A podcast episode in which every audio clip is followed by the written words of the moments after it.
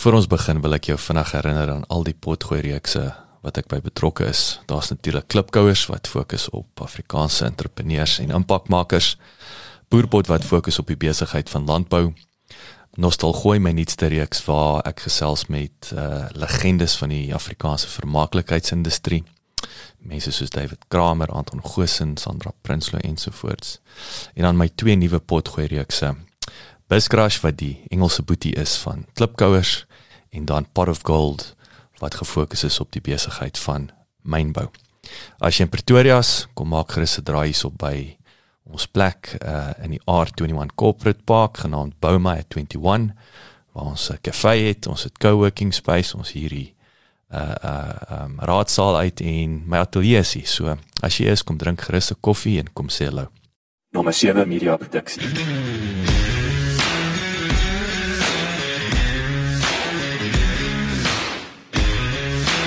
Welkom by die Klipkouer Sportgooi reeks waar ek gereeld gesels met entrepreneurs en impakmakers ten einde die beste praktiese advies met jou te deel. Ek is jou gasheer, Jacques Passon. En onthou om in ons nuwe besigheid van landbou potgooi reeks genaamd Boerpot te luister. Laat die wiele rol. Nie alleen het hy bykans eie aandag misdaad fiksie in Afrikaans laat herleef sedert 94 nie. Dion Meyer is ook een van Suid-Afrika se beroemdste uitvoerprodukte. Sedert sy eerste blitsverkoper Phoenix, het daar 14 verder romans uit sy pen verskyn wat in 40 lande wêreldwyd gepubliseer en in 27 tale vertaal is. Meyer se pad na roem was egter allemins met rose besaai.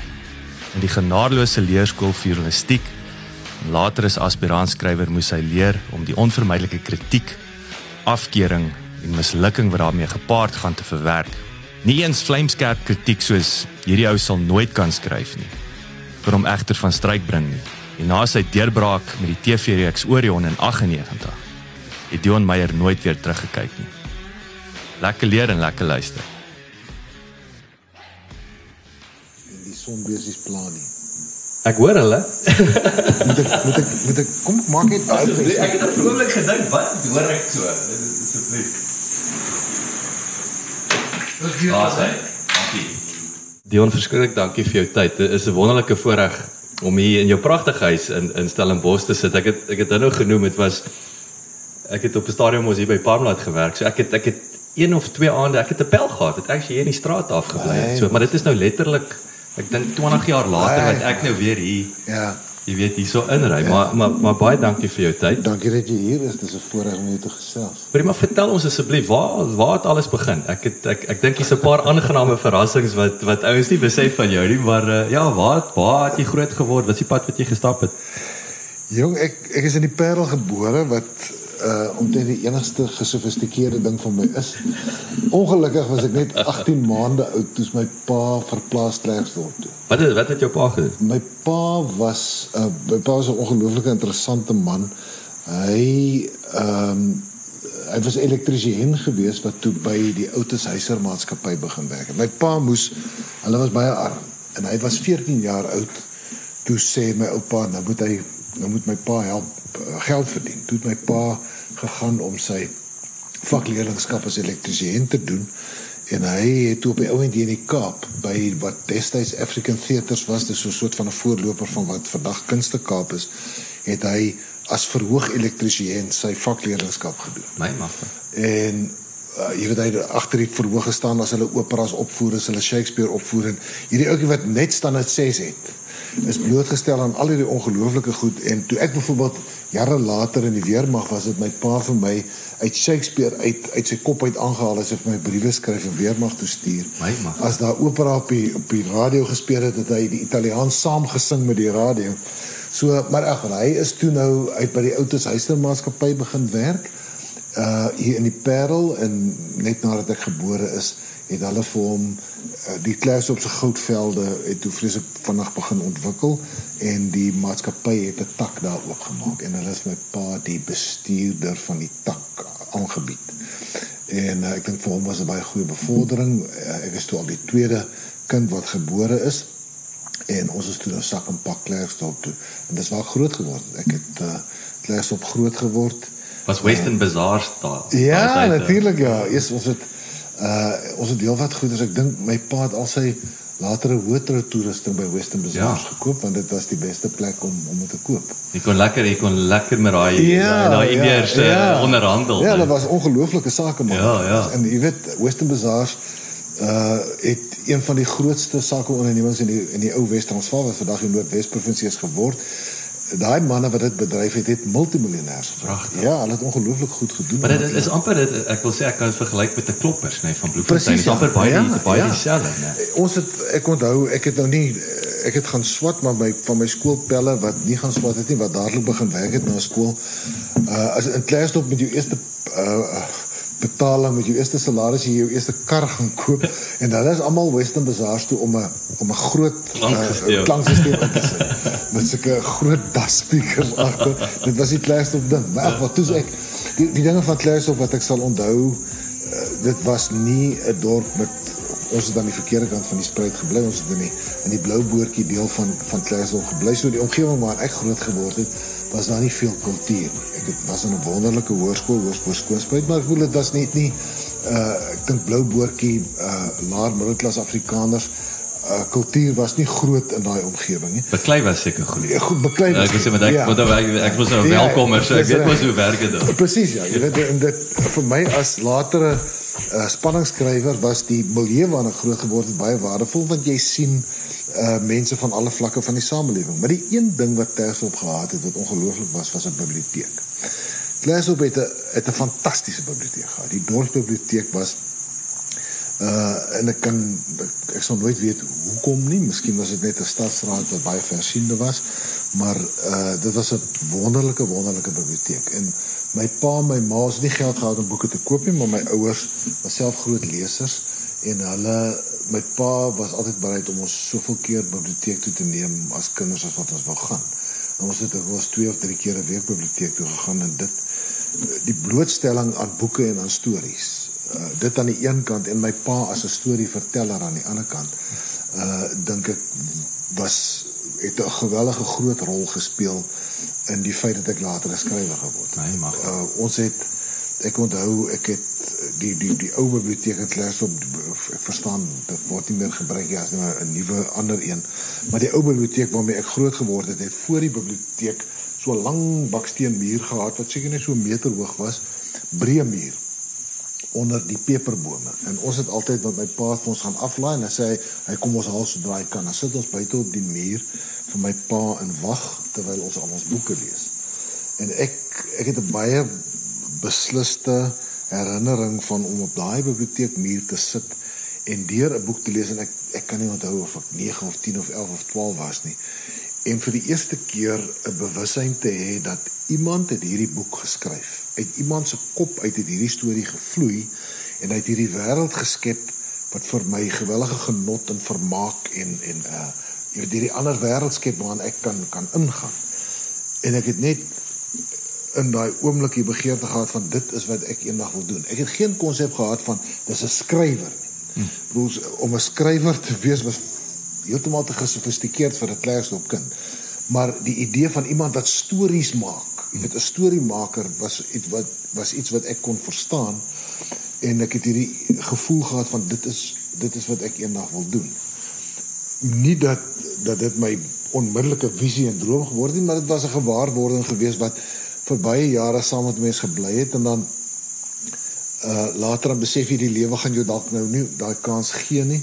En 'n mens besef dat die die werklikheid van die lewe is is 'n bietjie anders, maar dit het tog dit het tog by my gebly. En dan Hoe hoe het jou hoe het jou pa uh uh was hy ek wil ek, ek as ek dink nou weet ons almal daai generasie ja. van nee nee nee nou hoop my jou stop is dit lekker stokperdjie maar gaan gaan leer nou en kry ernstige werk of of omdat hy ek wil sê was daar 'n tipe van weet jy seun jy kan 'n loopbaan hiervan maak Nee, nee, nee, glad nie. Ek het ehm um, ek het op skool, ek het 'n wonderlike Engelse onderwyseres gehad, mevrou De Bruin, ek het 'n wonderlike Afrikaanse onderwyser gehad, meneer Piet Meyer. Ehm um, en uh, hulle het my altyd baie aangemoedig, veral mevrou De Bruin my geweldig aangemoedig. Sy het in my opstelle iets uh, gesien, maar ek het nooit geverbaliseer teenoor my ouers dat dit is wat ek eendag wil doen nie, omdat dit net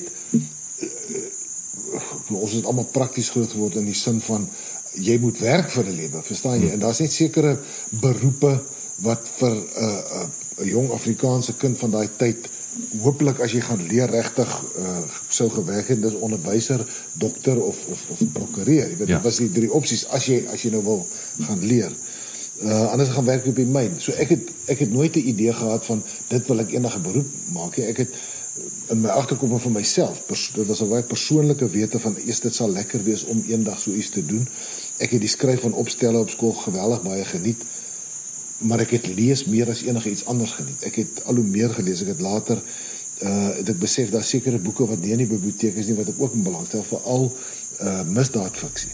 Ed McBain en John D. MacDonald al die groot beroemde Amerikaanse skrywers was dalk 'n bietjie te gewaagd vir die Klerksdorp se se uh biblioteek. Jy weet dis 'n dis 'n gewellige konservatiewe omgewing uh so 'n platlandse dorp in daai jare gewees. Maar ek het agtergekom dat daar by Don's Book Exchange in Wilkoppies, dis nou die Grand Beat, was daar so 'n tweedehandse boekwinkel. Kon ek van die boeke in die hande kry. Ek het hulle nou nog van daai boeke op my rak. Hoe het jy bewus geword van hierdie skrywers? Jong mense wat ek het in daai ek het in Don's Book Exchange het ek gaan sniffel. En toe sien jy nou okay. Ja, en ek het ek het werkies, ek het los werkies gedoen. Ek het van huis tot huis geloop en grondboontjies verkoop. Ek het nee. bottels, daai tyd het koeldrankbottels kon jy nog gaan inruil vir ja. vir die deposito. Uh ek het ons het uh, familie gehad in Mafeking wat vir ons baie keer neute en lemoene en goederes gebring het wat ek so van huis tot huis verkoop het om geld te maak om te gaan boeke by Dans Book Exchange koop en dan koop jy maar in die hoop dat jy van sal hou maar die tweedehandse boeke ek dink hulle het 70 sent of 40 sent stuk gekos so en so het ek uh misdaad fiksie ontdek en net onmiddellik daarop verlief geraak dit was asof dit die die genre is wat wat net vir my bedoel was. Ek het ja. jy weet uh, ek kon nie genoeg van van uh, daarvan kry nie, veral die die goeie skrywers.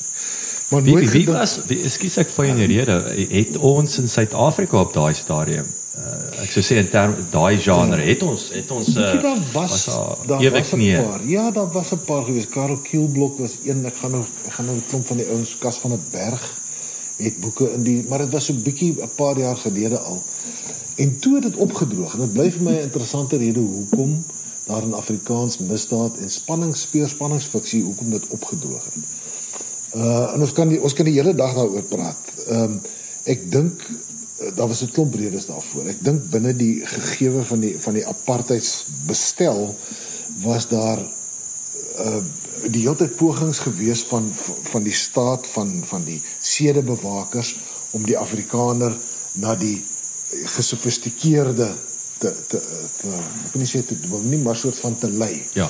En misdaad speer en spanningsfiksie uh, sogenaamde destyds was dit genoem middelmoot. Dit is 'n so lekker woord wat dit wat dit verklein en en en minder gesofistikeerd maak was dit was daar was neergesien daarop gewees. Die die groot kultuurgeeste het gesê dit is nie wat goeie Afrikaners behoort te lees nie en ek dink dit het aan die een kant 'n rol gespeel. Ek dink ook aan die ander kant het dit al moeiliker geword om byvoorbeeld speurfiksie te skryf, uh speurromans te skryf omdat die polisieman uh is 'n verteenwoordiger van die staat. Hmm. Uh en jy sien dat in feitelik alle nie demokratiese lande is uh speurfiksie is is misdaadfiksie eintlik afwesig of of in baie kleiner mate ehm So altyd met dit is dit kan gevaarlik raak as jy nou die die, die storie Ja, maar ek dink dis ek dink dis ook moeilik om 'n uh, polisieman wanneer hy in diens staan van 'n onregverdige staat of 'n staat wat nie demokraties verkies is nie om hom en en by verstek die staat dan die held van die storie te maak dink ek is 'n is 'n is 'n moeiliker ding. Ehm um, ons kan maar net spekuleer daaroor. Ek kan nie regtig vir jou sê hoekom misdaad fiksie in daai tyd stil dood in Afrikaans gesterf het, maar Afrikaners het Engelse misdaadfiksie. Uh misdaadfiksie uit Brittanje en uit Amerika het hulle verskriklik gelees. Uh misdaadfiksie was nog deur die jare in die laaste 50 jaar was dit die top genre in terme van boeke boekverkope in Suid-Afrika. Hy mag. Uh so dit was nog altyd baie gewild, maar in Afrikaans nee. uh het dit net nie gewerk en ek, ek so ek sê ek kan nie regtig ek kan spekuleer oor hoekom hmm. daar al hoe minder en later glad nie meer gepubliseer was nie maar ek is nie spyt daaroor nie want toe ek uiteindelik dit begin skryf het hier na die einde van apartheid, toe was ek die eerste en die enigste ou wat dit geskryf het. Ek dink om eerste te wees gee vir mense altyd so 'n bietjie van 'n voorsprong in die mark. Absoluut. In terme daarvan dat dit vir jou makliker is om jou handelsmerk of jou naam as skrywer dan te vestig. Mm -hmm. Dion vertel my hoe hy lugmag toe is en omdat daar nie geld was nie, moes hy 'n onderwysbeurs op Potchefstroom vat En natuurlik vir ekstra geld moes hy op Donderdag, Vrydag, Saterdag en Sondag in die spur werk om sy studiestel betaal. In sy derde jaar moet hy swart matriekleerlinge help om matriek deur te kom. En in die proses kom hy baie vinnig agter dat hierdie rotine en om dieselfde lesse jaar in en jaar uit te moet doen nie vir hom 'n opsie was nie. Ek vra toe vir hom wat plan B was. En op die ingewing van die oomblik my kamermaat ou Reinhard Ebel het vir my gesê maar sy swaar werk by die Volksblad in Bloemfontein en uh hoekom ehm um, hoekom oorweeg ek dit nie en sy ek het toe met sy swaar gepraat Tom Ferreira ek het aansoek gedoen en ek het werk gekry en ek het toe uh in uh 1980 het ek begin by die Volksblad. My mag.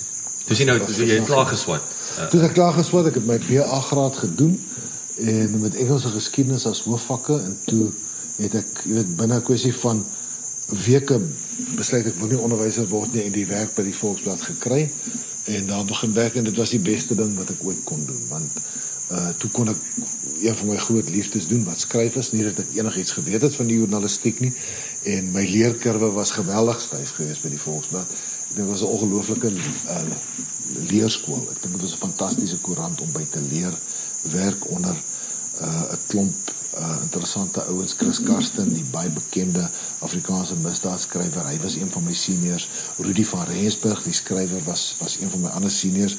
Rudy vertel graag die storie dat toe ek nou uh ja nou sê ek derde jaar op Potch en ek doen aansoek vir die werk en die Volksblad se redakteur sê maar ek moet ietsie skryf uh en dan vir hulle stuur dat hulle daarom kan sien ja. of ek of ek kan skryf En ek skryf toe dit en ek stuur dit deur en die redakteur gee dit vir Rudy van Rensburg om te lees. En Rudy het dit so gelees en hy het so 'n rooi streep aan deur getrek met die kommentaar hierdie ou sal nooit kan skryf. Nee. Ja, maar dit het nog steeds die job gekry waaroor ek baie dankbaar is. Ehm uh, So, jy weet ek het saam met 'n klomp groot geeste geleer werk en uh, ek het klompie jare by die Volksblad. Ek het ook by die Volksblad se buitekantoor in Kroonstad gewerk uh deel van die welkom span wat by die Volksblad gewerk het, die Noord-Vrystaatse kantoor. En toe het uh die Vrystaatse Universiteit vir my werk aangebied by die Skakelbureau. Uh en ek is toe soontoe en ek was 'n hele klomp jare by die Vrystaatse Universiteit. Daar het ek verder geswat, ek het honeurs gedoen in geskiedenis. Ek het LLB begin studeer wat ek op die ou en nie klaar gemaak het want toe kry ek dis ook miskien 'n storie wat die moeite werd is om te vertel. Uh ek het by die skakelbureau van die Vrystaatse Universiteit was ek verantwoordelik gewees vir uh die oudstudente tydskrif Die Bult. En Tom Ferreira wat toe nou die redakteur en die hoof my hoof is, stuur my Kroonstad toe om met Auntie Krog uh onderhoud te gaan voer. En uh, sy 'n Kroonstadter. Sy is 'n Kroonstadter. Ja, wow, ek het nie geweet sy daar groot geword, sy nou nog familie daar. Ehm uh, en sy was toe in daai stadium met sy in Kroonstad ge gebly. En ek is toe geweldig geïntimideer deur Antjie Krog, een van die grootste name ehm uh, in ons letterkunde en ek berei toe baie goed voor en ek ry toe weer Kroonstad toe. En Antjie en sy sy weet ek vertel die storie met groot smaak. Toe ek nou by Antjie aankom, uh, hier is ek 'n klein uh snotkoppie wat nou hier kom, jy weet 'n storie oor Rabel skryf.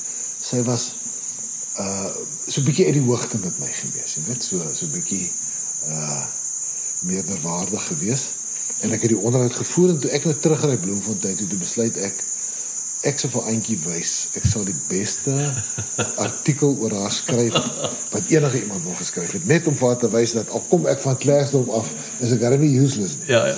En ek het ook verskeie moeite gedoen met die met die artikel oor eentjie en uh, toe uh, word toe in die bult geplaas en Herman Engelbreg wat destyds die hoof van reklame by Sanlam was hy lees dit en hy besluit maar die ou wat hierdie artikel geskryf het wil hy aanstel as 'n kopieskrywer in in die reklame afdeling. Sure. En hy bel vir my, sê vir my luister, ek het vir jou 'n job hier in die Kaap en ek wou toe baie graag Kaap toe gekom het en dis toe aansienlike uh hoër salaris as wat ek by die universiteit verdien het en en toe kom ek Kaap toe.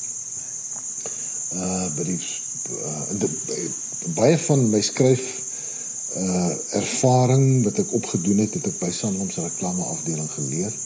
Herman Engelbreg was een van die ouens Jan Meiburg. Hulle was ongelooflike taalvakmanne en skryfvakmanne in terme van uh reklame kopie skryfwerk. Wat wat 'n ander vakrigting is as journalistiek. Jy weet dis 'n uh dis Dit was nou nog kritiese ja, dissipline. absoluut. Dis soveel te meer in Ja. die 21ste eeu. Ja.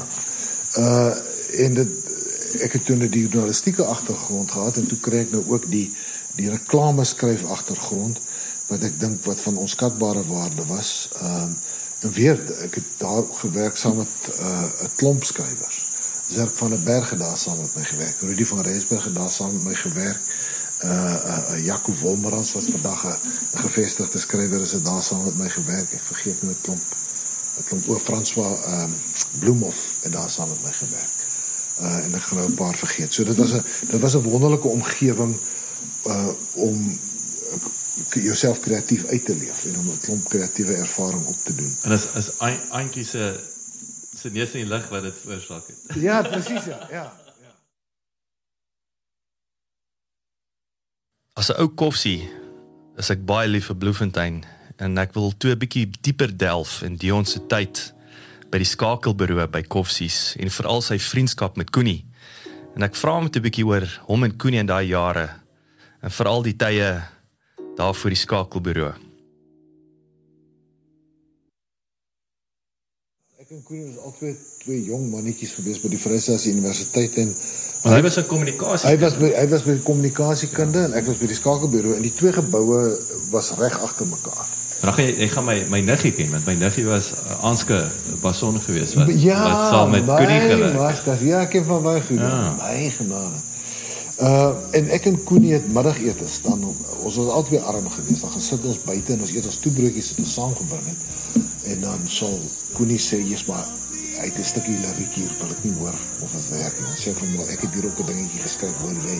Dan klankbord jy. Ja, ja. Ongelooflik. En so ons het daar gesit en droom van eendag, jy weet, uh, hoewel ek dink Koenie het 'n het 'n baie meer uh s- realistiese visie gehad van om gehore te hê terwyl vir my was dit totaal al onrealistiese ding. Jy weet ja, ek het gehou van skryf en ek het die waarheid te sê terwyl ek by die universiteit gewerk het, het ek weer probeer vir die eerste keer nadat ek op skool was om 'n 'n 'n boek te skryf en ek het so 50 bladsye geskryf en besef dit is verskriklik swak. En ek is vandag baie dankbaar dat ek minstens die insig gehad het om te besef dat dit wat ek geskryf het baie swak was. Ehm um, Maar eh, kan ons daai ja. 'n bietjie uitpak? Wat wat wat is swak? Hoe en hoe weet jy dit was swak en wat is goed? Weet jy die die die manier om hoe om vas te stel of dit wat jy self doen by swak is is om om jouself op te voed deur die beste letterkunde en literatuur in die wêreld te te lees. Veral in die genre waarin jy dan wil skryf en ek bedoel ek wou altyd breedweg in die speer en spanning genre geskryf het. Uh en omdat ek so verskriklik baie daarin gelees het, voed jy die leser binne in jou op en jy jy, jy wys vir die leser binne in jou wat is 'n aanvaarbare standaard. Dis soos dis soos 'n palet. Ons het nou oor Italiaanse kos gepraat. Presies, Jy ontwikkel die palet, dan Presies, weet jy wat ja, sleg. ja, presies. is. En toe ek geskryf het 'n 50 60 bladsye en ek het daarna gekyk, het daai leser binne in my want nou kyk ek na my eie werk as 'n leser en ek dink dis swak. Ek sal nie hierdie boek lees. Ek sal nie as ek 20 bladsye van hierdie ou moet lees, sal ek sê uh, dit is net nie goed genoeg nie. En ek ek is vandag baie dankbaar daaroor want uh, en ek het ek het gewonder maar hoekom is dit nie goed genoeg nie en die ek was in my vroeë 20's en ek het besef die groot rede is ek het eenvoudig nog nie genoeg insig in die lewe en in mense en hoe mense werk ensovoorts nie. Uh en ek ek het dit gelos. En toe ek by Sanlam was later, uh dis nou al 'n goeie 10 jaar later, ehm uh, het dis ook 'n vreeslike toevalligheid hoe dit gebeur het. Ek moes 'n draaiboekie skryf vir 'n televisieprogrammetjie wat ons gedoen het vir Breakfast TV op SAK. So 'n prettige ding wat uh, versekering vir boere dink ek mos ek kan nie al die detail onthou nie. En ek het in daai skryf van daai draaiboeke het ek weer my liefde vir fiksie en vir vermaak skryf of vermaak skep het ek weer soort van herontdek. En besef maar dit is dis dalk 'n moet ek ook sê ek was in daai stadium was ek 'n enkel ouer 'n enkel broodwinner. En ek ek ek jy weet met twee kinders in my sorg ja. uh, vir wie ek alleen moes sorg het ek altyd op mag opsoek gewees na na ander uh, moontlike inkomste strome en ek het ek het by Sanlam se reklame gewerk ek het vryskut het ek ehm um, koerante ontwerp vir ander maatskappye en en toe het ek nog in die oggende begin skryf ook ek het eers ja. probeer draaiboeke skryf maar toe het die SAIK skielik besluit hulle gaan geen draaiboeke meer uh, na kyk nie omdat hulle begrotingstekort het en toe het ek begin kortverhale skryf ehm um, enerzijds omdat uh ek hierdie liefde herontdek het vir die skryf van fiksie en vermaaklike stories en anderzijds omdat ek wou ekstra geld verdien. En so vir 'n klompie jare kortverhale geskryf totdat ek redelike gevestigde kortverhaalskrywer was en toe my eerste boek geskryf. Sanlam kondig aan nog 'n rekordbonus. Die kroon op ons skitterende beleggingsprestasies. Nou is Sanlam se bonus eienaars alweer soveel meer werd. Is u ook meer werd? Sanlam, waar u toekoms stel. Verseker. So vir wie het jy geskryf? Hoe daai ek wil sê kommersiële deel Ek het vir vir tydskrifte. Ek het kortverhale vir huisgenoot vir Rooi. Betaal jy nou per woord? Hulle het hulle het 'n standaard tarief gehad vir ek dink vir per 1000 woorde en ek dit was nie slegte geld nie. Ek dink ek het ek is destyds iets betaal en ons praat ons praat van 94 daar rond iets soos 1200 rand vir 'n kort verhaal wat vir my ja. goeie geld was. Ja.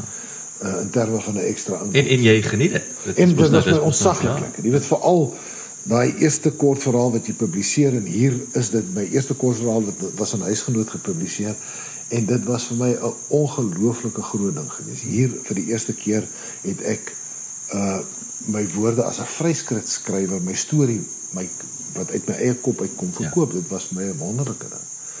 Ehm um, en die tweede storie wat ek toe nog ek weet is maklik. Toe skryf ek nog 'n storie, toe wil niemand hom koop nie. Dis sê ek is nie so maklik.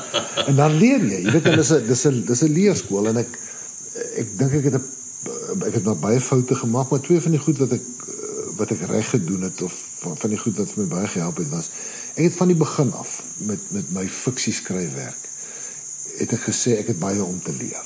So as ek 'n kort verhaal skryf en ek stuur dit vir 'n vir 'n verhale redakteur by 'n tydskrif, dan het ek gesê as jy nie daarvan hou nie, laat my weet hoekom nie sodat ek kan leer. Wat is verkeerd dan?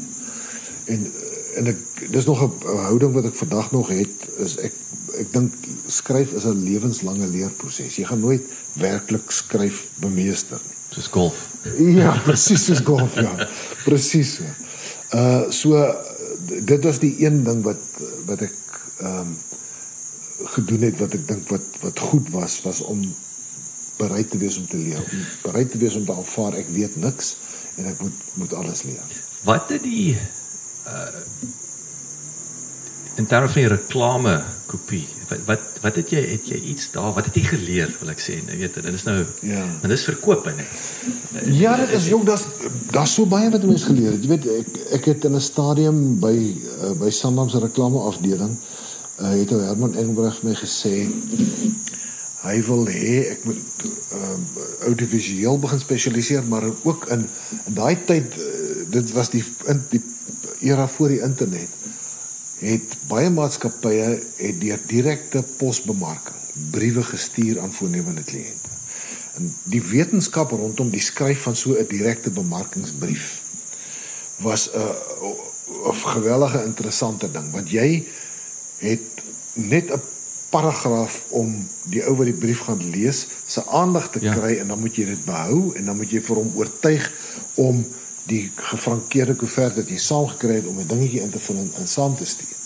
So net die direkte bemarkingsbrief skryf leerproses het vir my geleer wat die waarde van elke woord is wat die waarde van van sinsbou is wat die waarde van kort en langer paragrawe is wat die waarde is van sinne wat in mekaar vloei om die leser te noop en mee te sleer om verder so dit dit was maar net een faset van van reklameskryfwerk wat wat ek kon gebruik. Maar uh in die algemene reklame kopieskryfwerk wat ons gedoen het uh, die die kreatiewe proses van jy word 'n uitdaging gegee hier is 'n nuwe uh spaarproduk of 'n versekeringsproduk wat jy nou op 'n kreatiewe manier moet bemark uh die die beginsel van om twee verskillende konsepte bymekaar te bring wat skielik 'n nuwe idee vorm wat aangrypend is en wat interessant is.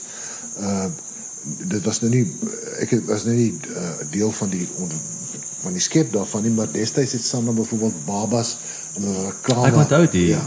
Ja. So, dis ek ek seker dat een van hulle suksesvolste ja, veld absoluut. Ja. Jy weet die, die beginsel van om babas te gebruik, soos ek sê, dit was iemand anders se breinkind geweest, maar die uh die beginsel van om lewensversekering en babas bymekaar te bring, twee sulke uiteenlopende goed en dit uh, daar's hierdie uh, wonderlike ding wat gebeur as jy twee sulke dinge bymekaar bring. Dit gebruik ek vandag nog wanneer ek 'n nuwe boek uh, begin ontwikkel, dan as ek een idee, dan weet ek ek moet gaan soek na die ander idee wat daar bykom in so 'n bietjie 'n chemiese ontploffingkie wat plaasvind wat wat regtig nuut en vars en lekker is wat my opgewonde maak en wat hopelik my lesers ook gaan gaan opwonde maak. Opgewonde maak, maar die die waarde van woorde, jy weet as jy reklamekopie skryf dan is elke jy het net soveel spasie, jy het verskriklik min ruimte om 'n boodskap in te gee. So jy leer die waarde, die dinamiek, die gewig, die die die gevoel van van woorde en dit verskil. Uh so daar's so baie wat wat ek in daai proses geleer het wat wat ek vandag oor baie dankbaar is. En, en, en die ander ding wat wat vir my interessant is en dit klink of dit by die volkskas is is is hierdie is hierdie mentorskap komponent. Ja. Om om met hierdie senior ouens omring te word. Ja. Maar dit klink vir my dit was dit was die plek om om Absoluut. te wees. Maar die Volksblad en en Salem, jy weet by die Volksblad as jy 'n ding geskryf het dat jy hom eers vir die nuusredakteur in in my eerste maande moes ek dit eers vir 'n senior verslaggewer gee. En daar was min genade en min simpatie vir jou as jong uh, verslaggewer. Die strepe is getrek en die swetswoorde is toegesnou van moenie hierdie uh goed op my lesenaar kom sit nie. En so het jy baie vinnig geleer as jy enigstens jou waardigheid wil behou, dan moet jy dan moet jy leer. Ja, ja. So en dan moet jy dit na die nuusredakteur toe vat en daar kry jy en ek dit een van die goed wat ek daar uitgeleer het was hoe om kritiek te hanteer. Want uh vandag gee ek nie om om saam met 'n redakteur te werk wat na my boek se manuskrip sal kyk en sal sê maar wat hiervan of daarvan nie, want ek weet dat 'n objektiewe nuwe oog wat na jou werk kyk, kan dit net eindeloos verbeter. Ek is glad nie sensitief oor my werk nie dit kom uit my journalistiek uit. So jy die nuusredakteur het 'n eier te lê gehad, die sub het 'n eier te lê gehad. Die redakteur het baie keer ingestorm gekom en gesê, "Hoe kan jy uh dit gedoen het?" So dit was 'n harde leerskool waarin jy vinnig moes leer. Uh maar uh, tussen die slimste mense wat jy kan kry. En dieselfde by Sanlam, by Sanlam Herman Engelbreg, jy weet uh Herman was is is nog steeds dink ek een van die uh mense wat die puntenerigste is oor woordgebruik en oor skryfstyl wat ek nog in my lewe nagekom het. Jan Meiburg wat uh, wat my direkte hoof was by Sanlam net so. Hy het aan Herman se voete geleer uh en die die dissipline rondom skryf. Ek dink dit was die die groot ding wat ek daar uitgeleer het dat om om nie woordherhaling nie, om nie swak sinne te skryf nie, om uh om die goeie Germaanse stamwoord te gaan soek in plaas daarvan om die Engelse leenwoord te gebruik. Uh daai gewellige dissipline rondom Afrikaans. Uh dit bly vir my interessant dat ek het op skool en selfs op universiteit het hoofsaaklik in Engels geskryf omdat ek hoofsaaklik in Engels gelees het. Mm. En ek het Afrikaans as 'n skryf en 'n leestaal baie minder geken. En by die Volksblad en by Sanlam het ek as gevolg van die intense blootstelling aan Afrikaans en die binnewerking die daai raadjies en veertjies binne die die Afrikaanse taal horlosie van hoe dit werk uh, het ek geweldig intens geleer en verlief geraak daarop en besef maar Afrikaans is eintlik die heel mooiste skryftaal wat daar is. Ehm um, so dit is alles dinge wat ek uit daai uh, tyd uitgekry het. So Sanlam in die Kaap Wat gebeur toe? Wel, my eerste boek is toe gepubliseer en dit was 'n daverende mislukking geweest. Boek se naam was Dis ook 'n Maar net het jy kans gesien om nou ek ek neem aan die huisgroot kort verhaal baie goed vir vir selfvertroue ja, en die dinge, maar toe sê jy nou reg vir 'n ek het juis begin kortverhale skryf om twee redes. Die een is om 'n boek te skryf, onthou, ek was enkel ouer, ek het 'n voldag werk gedoen plus nog vryskut werk in die aand. So die enigste tyd wat ek gehad het wat my kinders versorg maar nog geslaap het was tussen 4 en 6 in die oggend. Ja. En om daai tyd te investeer vir 'n jaar lank om 'n boek te skryf en niemand wil die boek publiseer nie, was 'n baie groot risiko in terme van die waagkapitaal van tyd as waagkapitaal. Ja, ja. So toe het ek gedink dat ek met kortverhale begin want dit is 'n baie korter investering maar dit gaan vir my baie leer van Afrikaans as 'n fiksie skryftaal. So dit was so 'n bietjie van 'n 'n tweeledige uh, rede geweest. En ek het seker so 2, 3 jaar net kortverhale gepubliseer totdat ek gevoel het ek het nou genoeg geleer van die fiksie skryfproses en van wat ek kry baie terugvoer ook van lesers wat jou stories lees van wat die Afrikaanse leser daar buite wil hê om nou my eerste boek te waag. Ehm um, en toe het ek uh, ek was toe nou ook redelik skryf fiks. Ek was uh ook vroeg opstaan fiks gewees. Ek weet ek was toe al gewoond daaraan om om 4 uur, baie keer 0.5 in die oggend op te staan. Ehm um, en dan tot soos die kinders ouer geword het ook kan hulle daarom tot al 7 toe nog slaap en sien. Uh en so het ek uh, vir 'n hele klompie jare het ek dit was die tyd wat ek geskryf het. Ehm um, ek wil amper sê vir die eerste 10 jaar van my skryfloopbaan. Maar goed, toe het ek gevoel ek het genoeg selfvertroue en ek het my eerste Afrikaanse boek geskryf en dit was toe na na die demokratiese verkiesing van 94. Ehm um, en vir my bly dit baie interessant dat Tafelberg uitgewers vir weekie boek gestuur het het in daai stadium geen redakteur gehad wat ervaring met spanningsfiksie gehad het nie. Maar omdat daar in Dis ons kom maar terug net jou klerkstorie dit ja, was net nie Presies ja. Jy weet en vir die laaste 10 jaar was daar was daar geen spanningsfiksie of nie menswaardig wat ek van weet in geval spanningsfiksie in Afrikaans. So hulle het nie regtig geweet wat om daarmee te te maak nie. En in Engels was die konvensie byvoorbeeld dat jy uh as jy 'n speur of 'n spanningsboek het dat 'n een woord titel is heeltemal aanvaarbaar in Engels. Ed McBain byvoorbeeld omtrent al sy boeke was een woord titels geweest en ek het gedink dit is baie cool en ek het 'n een woord titel vir my eerste manuskrip gehad. En Tafelberg kom toe terug na my toe en hulle sê vir my een woord titels werk nie in Afrikaans nie. So ons moet 'n ander titel uitdink en hulle het toe met die titel Wie met vuur speel gekom wat ek altyd gevoel het 'n bietjie van 'n ongemaklike titel is, maar wat weet ek nou van ja. van boeke uitgee? Ek het hulle absoluut vertrou. Die, die expert. Ja. ja. En uh hulle het ook vir die eerste uitgawe het hulle 'n redelike platvloerse omslag ontwerp laat maak. Ehm um, soos van om vir die Afrikaanse leser te sê, luister, hier is nou nie baie gesofistikeerde materiaal nie, so dis hoekom ons nou so, jy weet so 'n uh, bietjie van 'n ja, 'n platvloerse voorbeeld te gee. Uh wat so herinner aan 'n uh, 'n huisgroot kort verhaal, jy weet, so half hierdie is nie hier moet nie ernstig opgeneem word. Maar ek het my boek gepubliseer gekry waaroor ek baie dankbaar is, maar die boek is toe nou 'n 'n klaaglike mislukking in die mark. Ek dink hulle het 1200 gedruk, hulle net 800 verkoop. En toe skryf hulle vir my 'n brief en hulle sê hulle gaan nie hulle stel nie belang in nog 'n boek van my nie. En ek kan van die boeke wat oorgebly het wat nie verkoop is nie, kan ek soveel vat as wat ek wil teen een randstuk. Ek is opnuut herinner hoe kragtig woorde kan wees. Positiewe woorde kan mense opbou. Negatiewe woorde kan iemand heeltemal afbreek. En hier sit ons met sekerlik ons suksesvolste skrywer nog een van ons grootste Suid-Afrikaanse uitvoerprodukte en gelukkig het hy hom nie te veel gesteer aan die kritiek wat hy op so kritiese stadium van sy loopbaan gekry het nie. En ek koop toe 20 want ek dog toe dis al wat ek ooit vir my kleinkinders eendag kan wys is dat oupa het daar in een boek geskryf ja. en hierso is hy en ek ja, die 20 vir 20 rand gekoop. Maar teen daai tyd het ek al 'n tweede manuskrip met naam van Phoenix klaar gehad. En gelukkig het ehm um, een van die redakteurs wat by Tafelberg was, is toe weg Kwelerie toe.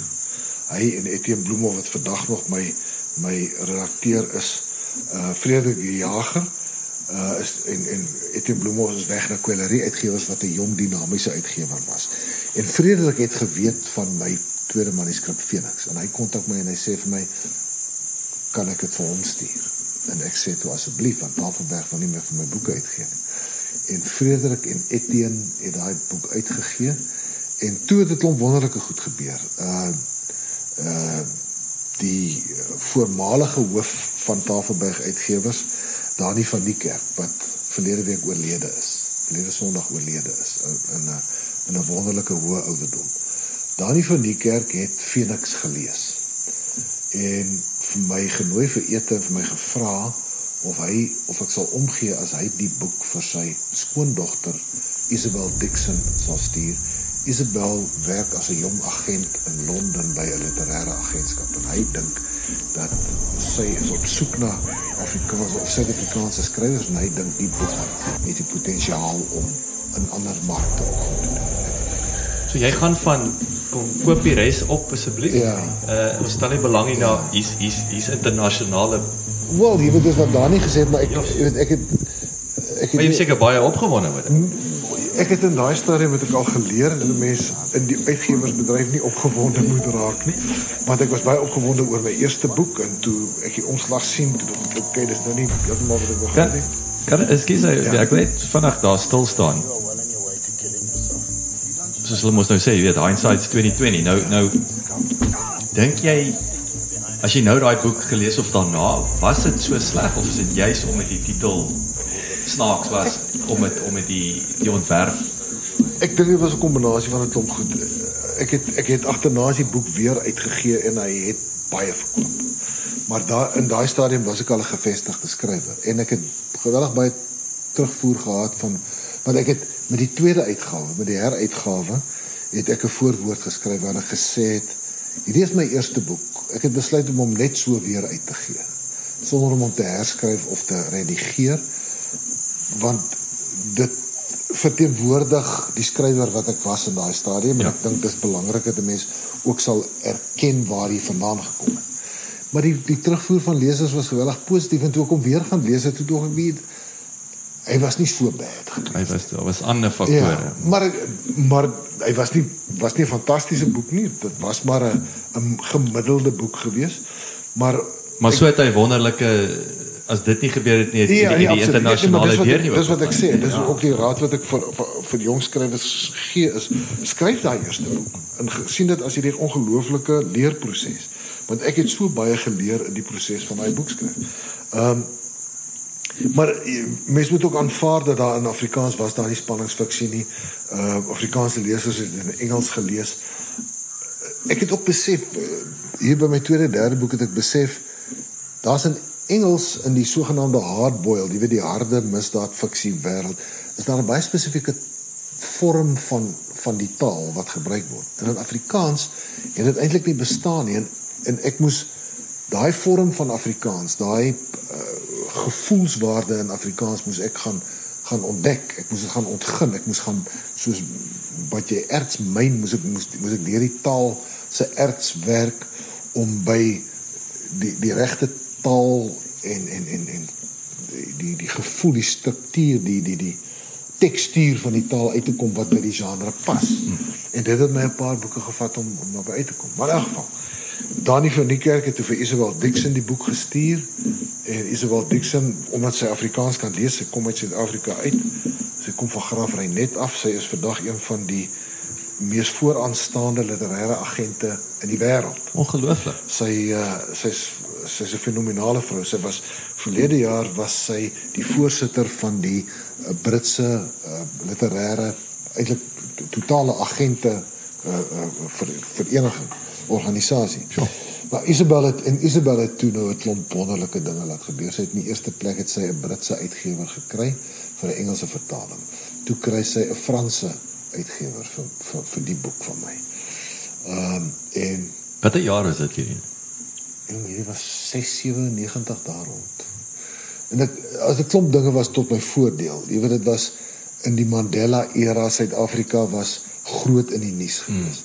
Suid-Afrika was definitief die die geur van die maand in daai stadium omdat hierdie hierdie wonderwerk hier gebeur het in die wêreld het het groot oog daarna gekyk. Dit was hierdie verskriklike mooi ding wat gebeur het en daar was 'n sekere honger en 'n nuuskierigheid oor Suid-Afrika en ek dink dit het vir my baie deure oopgemaak. Aan die ander kant het dit ook uh, sekere deure, byvoorbeeld in Nederland, die Nederlanders wou geen Afrikaner se boeke uitgee in daai tyd in in in vertaalde vorm nie omdat hulle gedink het dat alle Afrikaners was ondersteuners van apartheid en verantwoordelik vir apartheid. So dit het vir my 'n goeie 12 jaar daarna eers gevat voordat so lank, ek ja, voordat ek 'n 'n 'n Nederlandse uitgewer kon kry wat uh, wat in my geglo het. So maar maar laat ons sê dat daar was tog geleenthede gewees. Uh en Isabel het vir my 'n Duitse uitgewer gekry sodat stadig maar seker die een boek na die ander goeie resensie. Die vir my bly een van die interessante dinge dat my boeke in Afrikaans het maar so so verkoop totdat ek uh 'n Franse literêre prys gewen het. En toe is dit asof die Afrikaanse resensente en die Afrikaanse lesers sê, maar dan kan kan hierdie ou nie so bad wees nie. Ons gee mekaar. Ehm um, dalk is hy nie die probleem nie. Ja, maar maar daar was tog ook uh, met uh, die ek dink die groot deurbraak in Suid-Afrika en Afrikaans was die uh, die TV-reeks gewees Orion. Ehm um, wat ehm um, dit was maar die ding wat die groot verskil in Suid-Afrika gemaak. Ek was al baie meer gevestig en suksesvol in Frankryk en Duitsland uh in, in Brittanje en in Amerika uh voor ek in Suid-Afrika en veral in Afrikaans begin goed verkoop. Wanneer so jy jy het hierdie genre laat herleef, weet hoe lyk dit vandag byvoorbeeld misdaad fiksie. Ek bedoel jy's ja. obviously jy's die myn Wel ek was die eerste gewees. Ek dink ek dink daar's vandag soveel ongelooflike goeie en jong ouens op wat deurkom. En dit is my wonderlik. Jy weet 'n mens moet dit ook sien teen die agtergrond van hoe het ons literêre huis gelyk aan die einde van apartheid. Met uh al die sensuur wat daar was, met al die boeke wat verban is, met met uh die uh die hele akademie wat eintlik in diens van uh, van die apartheidstaat was en hoe hoe daar sekere dinge uh goedgekeur is en nie goedgekeur is nie. Ehm uh, was ons literêre Afrikaanse literêre huis was daar baie kamers wat leeg gestaan het. En na die einde van apartheid met in 'n nuwe demokratiese Suid-Afrika was daar hierdie proses van normalisering gewees in terme van Afrikaanse en Suid-Afrikaanse letterkunde. Want daar skielik in 'n klomp tale nie net in Afrikaans nie, ook nie net in Engels nie, maar selfs ook in in van die swart tale vir die eerste keer misdaadfiksie en in ander genres op geskryf is. Daar was hierdie geweldige opbloei in Suid-Afrika en in Afrikaans in in 'n klomp genres uh, oor die hele spektrum. Ehm um, sodat ons vandag lyk ons literêre huis baie meer soos die Duitse of die Franse of enige van die ander Europese uh uh literêre omgewings in die dat daar's baie misdaadfiksie van wisselende gehalte. Uh en dis goed so. Uh dan moet dan moet baie wees sodat die beste kan kan kan uitstyg. Uh en ek, dit is dis my wonderlik om te, om dit te kan sien. Ek ek dink dit maak van Afrikaans 'n volwaardige literêre taal. Ons het die ongelooflike hoogs literêre skrywers uh wat die vaandel kan dra. Uh maar het ons ook genre skrywers waarvan ek een is wat uh, wat 'n bydrae kan lewer en ek dink dit is net so belangrik. Ek kan myself nie help nie. Ek wil nou ek wil nou terugkom na na besigheid toe. Wat hoe lyk gee vir ons 'n bietjie net weer weet hoe lyk hierdie kommersiële model? Ek weet in terme van jou regte, ja. weet hoe hoe werk dit? Jy weet ja. daar's natuurlik daar's nou TV, daar's daar's 'n kombinasie van ja. soveel weet. Skyn 'n bietjie lig op dit. Right. Weet jy die eerste ding wat ek wil sê as jy praat van regte, ek kry so baie e-posse van mense wat sê uh hulle het nou 'n boek geskryf wat hulle nou uitgegee het by een of ander uitgewer. Die uitgewer het vir hulle 30 of 50 000 rand gevra om die boek uit te gee. En uh wat maak hulle nou want uh, nie hoe bemark hulle nou die boek? die goeie hoofstroom uitgewers vra jou nie 'n sent om jou boek uit te gee. Dit is die sogenaamde selfpubliseringsindustrie wat ek dink wat 'n baie gevaarlike en 'n uh ek het 'n broertjie dood daar en ek dink mense moet wegbly daarvan. Ehm uh, dit is 'n uitbuiting van mense, dit is dis is 'n geldmaak skema vir almal behalwe die skrywer. So wat jy doen is as jy 'n manuskrip geskryf het, is jy gee hom vir 'n uh, hoofstroom uitgewers soos byvoorbeeld NB uitgewers uh en jy lê jou manuskrip voor en as hulle die die ehm uh, boek gaan uitgee, dan kos dit jou nie 'n sent nie. Hulle dra al die koste en jy kry tantieme. Nou al dit gaan nou baie afhang die persentasie tantieme wat jy kry gaan nou afhang van hoe suksesvol jy is. So as jy begin, gaan jy uh, in jou eerste boek, eerste 2 of 3 boeke wat jy nog jou merk maak en jou jou jou lesertaal bou, uh, gaan jou tantieme minder wees. En hoe, hoe meer gevestig jy raak, hoe hoër kan die tantieme wees. Want hulle vat nou natuurlik die risiko in die begin. Hulle neem die volle risiko en hulle doen alles hulle redigeer die boek hulle laat hom druk hulle versprei hom hulle samel die geld in van die boekverkopers ensovoorts so jy jy hoef nie boeke te verkoop jou job is om die boek te skryf. Ehm um, en jy behou uiteraard die kopiereg van die boek die kopiereg behoort aan jou en die ehm um, uitgewer uh het daai kopiereg vir 'n sekere tydperk vir sekere aantal jare afhangende van die uh van die kontrak wat jy geteken het wat ek baie gelukkig mee was is dat ek van die begin af ehm uh, my vertaalregte uitgehou het. Ehm um, en ek dis iets wat ek baie sterk wil aanbeveel aan voornemende skrywers, maak nie saak hoeveel druk jou Suid-Afrikaanse uitgewer op jou sit nie. Gee net die Afrikaanse regte of die Engelse regte as die, as jy die manuskrip in Engels geskryf het vir daai spesifieke uitgewer en hou jou vertaalregte uit. Want dan het jou agent as jy enige agent het, het dan die reg om daai werk van jou in al die ander tale te gaan verkoop en die inkomste daarvan kom na jou toe en nie na jou oorspronklike uitgewer nie. So dit is maar hoe dit werk. Jy het die vertaalregte, jy het ook ander ander regte so byvoorbeeld en dis nog 'n ding as jy as jy die kontrak teken met jou eerste uitgewer dan hou jy ook die TV en filmregte en die radioregte en die verhoog toneelstukregte en die deesdae is dit ook belangrik om die videospeletjie regte van 'n boek uit te hou omdat dit alles regte is wat jy later kan verkoop afhangende van die aard van die boek ensovoorts. Ehm uh, filmregte is 'n baie interessante ding. As jy dit uitgehou het in jou in jou uitgewerskontrak wat jy behoort te doen, dan uh wat nou in my geval gebeur ek by uh, Blake Friedman waar Isabel Dixon uh my literêre agent is, is daar ook 'n filmagent.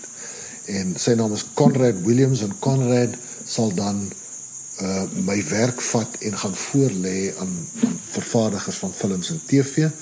Uh en wat so 'n vervaardiger dan nou doen as hulle 'n TV-reeks wil vervaardig of 'n film wil vervaardig, is hulle jy sal 'n kontrak teken waarin hulle die opsie kry om uh 'n projek te ontwikkel rondom die boek. En die opsie is is gewoonlik 'n baie laer bedrag uh en dit geld net vir 'n sekere tydperk. So jy verkoop die opsie vir gewoonlik 12 tot 18 maande, miskien soms 24 maande as dit nou regtig 'n baie goeie aanbod is. Ehm uh, en dan het daai vervaardiger die reg om uh die boek in 'n draaiboek te laat omskep om 'n regisseur te kry wat sê hy is bereid of sy is bereid om dit te maak en 'n klompie bekende akteurs en aktrises te kry om te sê ons verbind onsself tot hierdie projek sou die nodige finansiering gekry word. En hy het dan 12 maande vir uh, uh, of of 18 of 24 maande om om om dit tot by daai punt te kry waar hy die finansiering kry. Hmm. En dan op wanneer dit die sê net maar hulle kry nie dit reg om die finansiering te kry nie, dan kom die ver, verval die opsie en die regte kom terug na jou toe. Okay. So dis 'n is 'n proefloopie. Dis 'n proefloopie. Sou hulle dit wel reg kry om die projek te laat gebeur, dan koop hulle die regte, die filmregte op die dag wat hulle die eerste keer die kamera aanskakel. Dit is gewoonlik die dag wanneer jy betaal word vir jou regte en dan uh behoort die filmregte van daai boek aan die spesifieke vervaardiger wat hy vir jou betaal daarvoor en dit dit geld dan ook vir 'n uh 10 of vir 15 jaar afhangende van wat die kontrak gaan sê. So dis min of meer hoe hoe daai regte werk. Jy kry maar daar's niks nou is daai nou 'n miljard rand film is is daar ek wil sê is daar Nee, dit, dit hang af van Julle die, die die liefde. Ja, dis 'n dis 'n dis 'n interessante ding. Die daar's gewoonlik 'n klousule wat sê dat die skrywer deel in die winste van die vervaardiger na alle ander uh, wins die aan betaal is, na alle ander skuldeisers betaal is. Enige ordentlike vervaardiger sal sorg dat daar nooit sulke winste is nie. So eintlik is dit iets op papier wat nie veel beteken nie. Ehm um, wat ek in die laaste klompie jare gedoen het was om self betrokke te wees as uitvoerende vervaardiger. Wat beteken dat mense 'n bietjie meer beheer oor wat met jou boeke gedoen word en dan het jy ook 'n bietjie groter kans om te deel in die winste sou daar wees omdat jy dan een van die vervaardigers is. Uh ek sou dit nie en daar's nie baie skrywers wat dit doen nie, maar omdat ek hou van flieks maak en al heelwat ervaring daarvan opgedoen het, uh so deur die jare is dit vir my lekker om daarbey betrokke te wees. Ek wil ek wil terugkom weet ons het oor Frankryk gepraat, Engeland. Ehm um, jy het natuurlik 'n liefde vir Italië. Jy is hy Italiaans al vertaal. Ja, ja. Nie almal nie, my Italiaanse uitgewer hou net van my Benny Griesel boeke. So al my Benny Griesel boeke is in Italiaans. Uh Koors en Spoor uh watter ander ene is nie in Italiaans uitgegee nie. Wat wat spring uit van hierdie lande? Is is daar 'n uh, uh, goue draad wat jy kan deurtrek in terme van van literatuur of so of is daar is die, ek wil sê is die Franse snaaks, Italiaan, weet hoe hoe lyk daai Ja, dis 'n interessante ding. Ek wat vir my interessant bly altyd is dat hoe verder noord in Europa jy gaan, hoe meer gewild is my boeke. Hoe verder suid jy gaan, Spanje en en en en uh, Italië byvoorbeeld, is my mark baie kleiner. Uh maar hoe verder jy noord gaan, Frankryk en Duitsland is my twee grootste markte, maar omdat die twee grootste Europese lande is. Maar in Skandinawië en in in in Swede en in um Noorwe is my boeke per capita is baie kleiner bevolking my Swede is maar 6 miljoen mense, maar maar my boeke verkoop uh, baie meer per capita daar as in in enige ander land. So dit lyk vir my asof uh hoe verder noord jy gaan, hoe kouer dit raak, hoe meer is die lesers daar bereid om boeke te lees van eksotiese bestemmings soos byvoorbeeld Suider-Afrika. Uh, jy weet die een van die interessante goed wat ek geleer het deur die jare as as Afrika skrywer is dat daar die persepsie veral in Noord-Amerika bestaan dat enigiets wat uit Afrika uitkom moet donker en rondom hongersnood en geweld en oorlog en jy weet en uh, kinders wat onder voet is en so voort. En dit kan nie vermaaklik wees nie. En dis dis 'n stryd. Ek het 'n wonderlike Amerikaanse uitgewer en uh ek ek doen onder die omstandighede nie vrot in, in Amerika nie, maar dit bly vir hulle 'n stryd om vir lesers te oortuig dat hulle 'n misdaadskrywer uit Afrika uit 'n kans moet gee want dit kan vermaak wees, dit kan lekker leesstof wees en nie donker, swaar, mismoedige Afrika leesstof nie. Uh, Nou is vir my fascinerend om om om om terug te kom na die ehm um, Skandinawe. So dis weer daai uh, storie wat in jou kop en jou verbeeldingswêreld afspeel. Wat hulle nou ja. en daai koue en na na warm plek toe vat. So dit is dit is dit is fascinerend. Ja, ek ek dink daar's 'n klomp redes daarvoor. Ek dink een van die redes is byvoorbeeld dat daar in die winter in Skandinawië uh, kan jy nie regtig buite toe gaan nie. So lees is 'n baie groter vorm van vermaak. In in uh Swede en in Noorwe, ek dink veral in Noorwe is daar rondom die Paase is daar hierdie gebruik van mense gaan vir 'n week lank na hulle uh houthuisie in die woude en hulle gaan lees en dis misdaadfiksie wat jy dan lees dis 'n dis 'n dis 'n uh, gebruik dis 'n tradisie wat oor dekades al kom dit is die soort van die misdaad uh week daai in Nederland het hulle die uh Nederlandse boekeweek van misdaad uh fiksie ehm um, wat dan gee die media aandag aan aan aan die misdaadfiksie. Die mense koop dit en lees dit, die winkels is vol daarvan. Uh daar's die boekkultuur daar is geweldig sterk. Maar ook dan daai uh belangstelling in plekke wat nie net Amerika of Brittanje is nie, wat nie net die die uh, die weste is nie wat nie net die noordelike halfrond is nie. Dit kry jy in Noord-Europa baie meer as in enige ander plek. Wat wat is daai ek dink nou is the girl with the dragon tattoo byvoorbeeld. Nee, ek bedoel wat wat dit dit is ook 'n fenomena gewees. Ja, wat was- hoe hoe- hoe hoe kom Wel, ek dink omdat dit 'n fantastiese storie was. Dit was 'n uh, uh, dit het al die aspekte gehad van wat 'n mens in 'n lekker storie soek. Geweldige boeiende karakters wat in hierdie geweldige stryd tree. Jy's baie onseker of hulle of hulle gaan oorwin. Uh jy's regtig aan hulle kant en dit, dit deur hulle gaan is geweldig boeiend en interessant. Dit is dis wat 'n goeie storie maak. Ehm um, en uh ja, dis 'n dis 'n fenomeen. Die, die, ons kan baie gesels oor die Skandinawiese misdaadfiksie. Skandinawië is 'n streek met die laagste misdaadsyfer, veral moordsyfer in die wêreld, maar hulle het die meeste misdaadskrywers per capita. IJsland byvoorbeeld. IJsland het meer misdaadskrywers as wat hulle moordenaars het. goeie hemel. Maar is dit maar maar- maar- want hulle hinker na, na dit wat hulle Ja, nie wat hulle nie ja, wat hulle nie ervaar of Presies. blootgestel word. Ek word dikwels gevra maar is Suid-Afrika met sy hoë misdaadsyfer is dit 'n inspirasie vir 'n misdaadskrywer dan gewo- gebruik ek gewoonlik die statistieke van nee, jy weet die die die die dors na misdaadfiksie is baie groter in die lande met die lae misdaadsyfer en dis ook die plek waar daar die meeste misdaadskrywers is. My magtig. Uh, ja. Uh, die ander interessante ding is dat uh in Skandinawië die misdaadfiksie wat daar geskryf word is baie meer bloeddorstig en gewelddadig as die misdaadfiksie verder suid.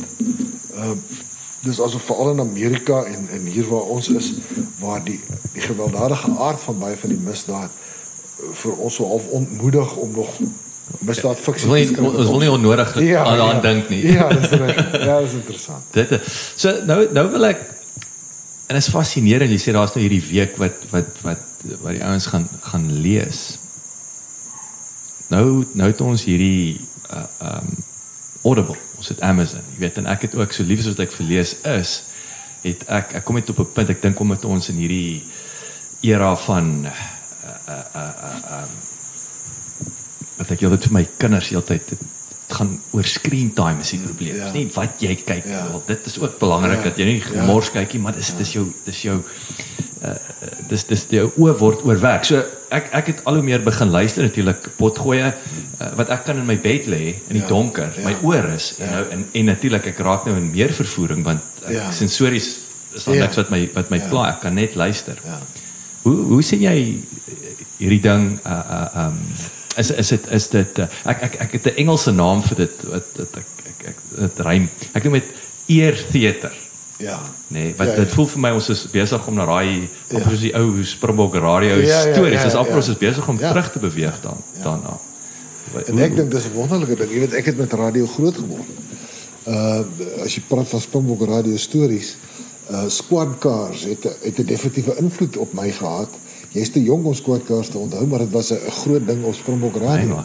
Ja, ek onthou die uh, vrou van Shangetti. Uh, Ja, ja, die- die Springbok- Wolwe dansie Ja, skemer ja, dis raai. ja. Was net voor hy Ja. ek dink gesterf het. nee. Ja, dis reg. Ja, ja. Nee, ek weet jy daar gaan altyd meer as een manier toe ek begin skryf het was die was daar net soveel mededinging vir mense se aandag en tyd. Om die waarheid te sê, ek onthou uh, hier in die in die vroeë jare laat jare 80 vroeë jare 90 was daar al uh, al hoe meer teorieë rondom uh, die geweldige aantal boodskappe wat elke dag na ons toe aankom. Nou die media waarmee dit gekom het was was heeltemal anders as vandag, want daar was nie internet nie. Maar ons was ook toe toegegooi onder die media boodskappe en ons het 'n klomp keuses gehad rondom hoe ons ons aandag vir vermaak gaan vestig. Ons het videowinkels gehad, maar regte video, dit was nie DVD's nie, dit was video's wat jy moes terugwen anders kry jy 'n boete by die onthou dit, terugwen. Ja. En daar was televisie gewees. Daar was radio, daar was baie baie groot radio aanbod. So net soos wat ek vandag as skrywer meeding deesdae met ander media soos Netflix en YouTube ensovoorts en screen time soos jy sê, ehm uh, het ons daai tyd ook maar. Ek eh, daar gaan altyd nuwe media wees vir storie vertel. Ehm uh, en ek dink dis wonderlik. Ek dink hoe meer geleenthede daar is, hoe meer mense kan vermaak, maniere vind om ander mense te vermaak, hoe beter vir kreatiwiteit, hoe beter vir die kunste, hoe beter vir literatuur. Ehm uh, vir my bly die interessante ding dat uh, destyds toe musiek so gedigitaliseer is en uh die internet die musiekbedryf so ingrypend verander het. Het almal gesê dit gaan met die boekbedryf ook gebeur. Want e-boeke, Amazon en e-boeke en die die e-leser, die Kindle, al daai ja, goeders, ja. dit gaan die boekbedryf doodmaak. En ek was destyds baie skepties oor daardie uh standpunt gewees omdat ek gedink het dit gaan dikwels vir my om die koppelvlak waarmee jy 'n medium uh op gebruik. Ek kan verstaan dat jy op 'n iPad 'n fliek kan kyk uh, op 'n iPhone of 'n selfoon is my die skerm is vir my net 'n bietjie ja, klein maar die dis, kinders dis pynlik ja, ja alle die kinders plan ja. Ehm um, en dit maak dit baie meer toeganklik maar die boek veral die die die sogenaamde paperback boek was nog altyd 'n ongelooflike gemaklike koppelvlak. Dit was 'n ding wat mobiel is. Jy kan hom in jou aktetas gooi, jy kan hom in jou baadjie sak druk. Jy kan hom strand toe vat. Hmm. En as hy as die son op hom skyn, as daar sand op hom kom, gebeur hy niks nie. As jy in die bad klim en hy val in die bad, haal jy hom uit en hy jy kan hom verder lees ja, ja. om laat droog word. Het. Uh dis 'n dis 'n baie kompakte, gemaklike, bekostigbare uh medium. Uh en daarom het ek gedink eh, die e-boek gaan nie so 'n groot verskil maak nie. Maar ek het dadelik vir my 'n Kindle aangeskaf want ek wou weet hoe dit werk. Hmm. En gou agtergekom ek hou nie van 'n Kindle nie. Ek hou van 'n regte boek. Met ek hou daarvan om in 'n boekwinkel in te stap en te gaan kyk wat daar aangaan. Een van die groot probleme van Amazon is dat as jy in 'n boekwinkel 'n boekwinkel sal al die topverkopers wat regtig verkoop op hulle rakke hê, gewoonlik in jy weet een of ander uh treffersparade lys. Maar as jy op Amazon gaan, die treffersparade op Amazon is al die boeke wat 99 sent kos wat ouens self geskryf en self uitgee en die gehalte daarvan is geweldig laag. So die oomblik wat jy besef jy kan nie Amazon se ingeboude ehm um, stelsel van evaluasie vertrou nie. Ja, ja. Dan val die hele ding vir my uitmekaar uit. As jy nie daar's soveel mense wat ander ouens kry om by hulle boek op Amazon 'n positiewe resensie te gaan skryf. Die oomblik wat jy besef jy kan nie meer daai resensies vertrou nie want iemand is gekry om dit te doen. Self ek bedoel as soveel voorbeelde van skrywers wat self gaan goeie resensies by hulle werk skryf.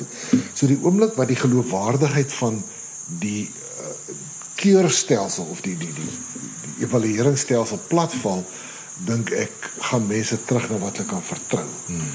En ek dink dit is wat 'n baie groot mate of dit was een van die goeders wat 'n rol gespeel het in die slakkegang van e-boeke. Uh jy het e-boeke gesien wat van 'n 0 punt af geweldig gegroei het. Almal dink hier kom 'n groot ding en toe skielik toe plat hy af. En vandag is e-boeke se getalle besig om al hoe meer af te kom en af te kom terwyl die tradisionele boekbedryf besig om sterker te word. Die enigste ding wat groei is audioboeke uh omdat uh jy kan dit ook luister net waar jy gaan. Uh dis dan sommer net oor jou foon. Ehm um, maar jy is redelik seker want die uh, audioboek het so 'n ingeboude keurstelsel in homself. Dit kos geld om 'n audioboek te vervaardig, om iemand te betaal om hom voor te lees om die redigering daarvan te doen, om die klankgehalte te doen. So dis so 'n ingeboude keurstelsel van ek weet dit is 'n boek op Audible is of op 'n ander uh audio platform ja. is dan is dit 'n boek wat goed genoeg was dat dat 'n maatskappy so investeer. Ja, met een uh, uh, een man uh jy weet one man band kan nie kan nie dit produseer. Maar kan ja. uh, self publiseer. Ja, presies. Dis baie interessant. So okay, so daar's daar's 'n kwaliteitskomponent. Ja. In audio versus ja, nou die van 'n gehalte beheer ingebou. Soos wat die tradisionele boekbedryf ook het, soos wat boekwinkels uh ook het. Jy weet jy gaan as boekwinkel eienaar gaan jy nie al die goedkoopste boeke aanhou wat glad nie verkoop nie. Jy gaan die goed aanhou wat wat jy weet wat, wat jou lesers van hou en wat eh, dalk al klaar elders in die wêreld goed gedoen het. Die die een ding wat wat jy weet ek is lief vir vir vir 'n boek vir een rede behalwe dat daar die weet ek ek, ek lief ook ek is trots op my my boeke. Ja. Is my 'n pragtige ding. Ja. Ek hou daarvan om in die ding te krap. Ja.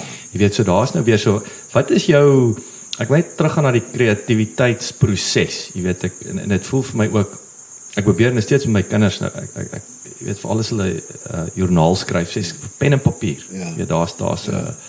brein Ja. skryf komponent. Ja. Hoe sien jy da- daai aspek of die feit dat almal begin tik?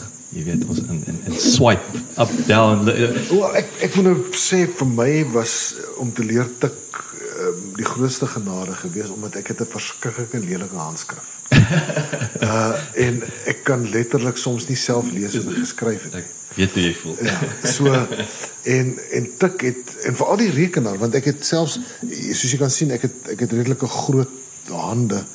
Ehm um, en hoe groter mense hande is, hoe moeiliker is dit om op 'n sleutelbord te werk.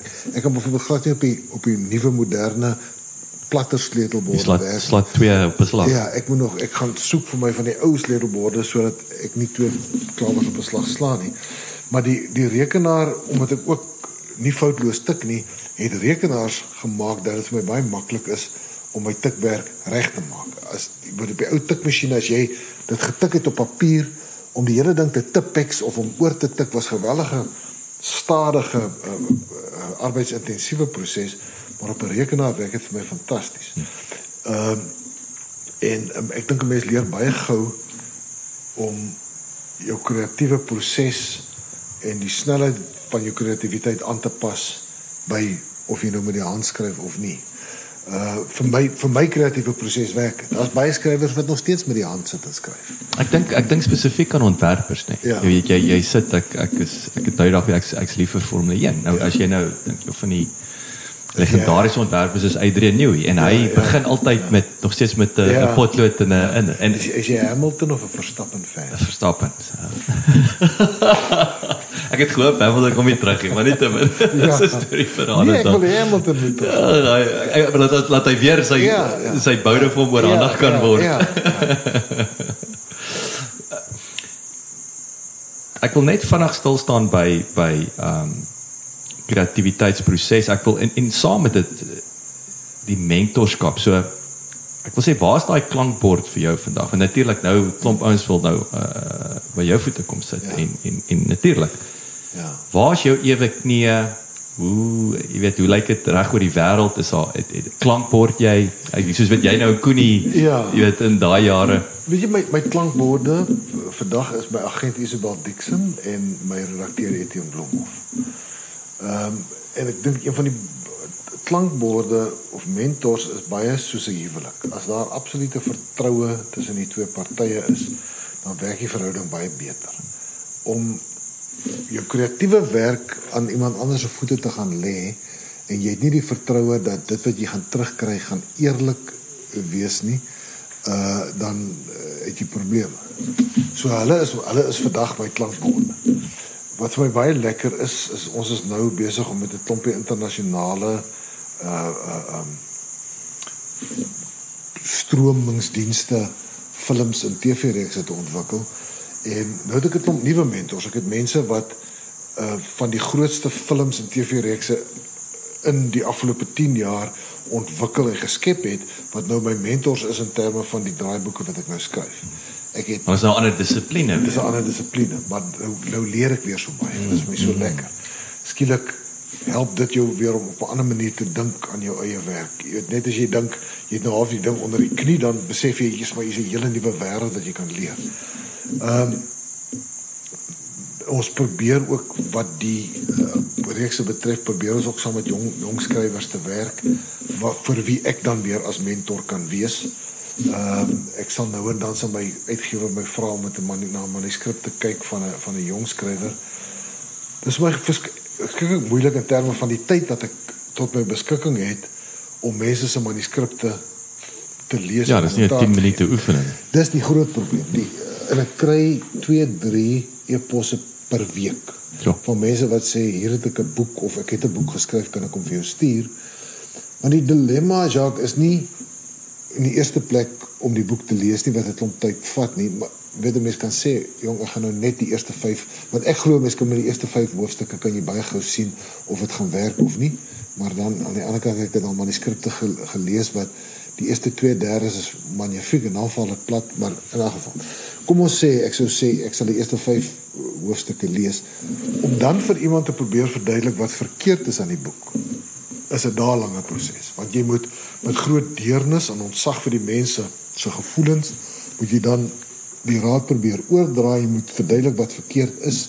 Jy moet hopelik iets sê van wat kan regmaak. So dit op die ouend word dit so 'n tydrowende proses waarvoor ek ek het net nie die tyd daarvoor nie. So ek probeer maar rondom die ehm uh, uitgewer probeer ek as hulle 'n spesiale versoek het van 'n manuskrip wat ingekom het wat in my genre is wat hulle dink met baie belofte toon, uh, maar wat 'n bietjie skaafwerk nodig het dan dan sal ek saam met so 'n skrywer probeer werk en kyk en dan in die draaiboeke ook. Laaste vraag. Waar is die kinders? Ek ek dink nou jy Ja. weet in daai enkel ouer jare, Ja. so wat waar is ek weet nou jy het nou Ja. Italië vroeër genoem. Ja, ons ek uh, het is my en Marianne het ons ses kinders. Uh en twee van hulle is die oomblik oor see, twee van die meisies, een in Italië. Dat ons eerste kleinkind is ook in Italië. Hulle was nou net hier gewees. Was hy sy met 'n Italianer Sy is getroud? met 'n Italianer getroud ja, en hulle al twee werk in Rome. Ehm um, en dan het ons 'n ander dogter wat in Amerika is op die oomblik. Sy au pair vir 'n jaar. Die ander kinders is is is hier rond. Ehm um, twee een werk in Stellenbosch, een is nog op universiteit. Uh een is ehm um, werk in die Kaap, hy bly daar by Klapmuts.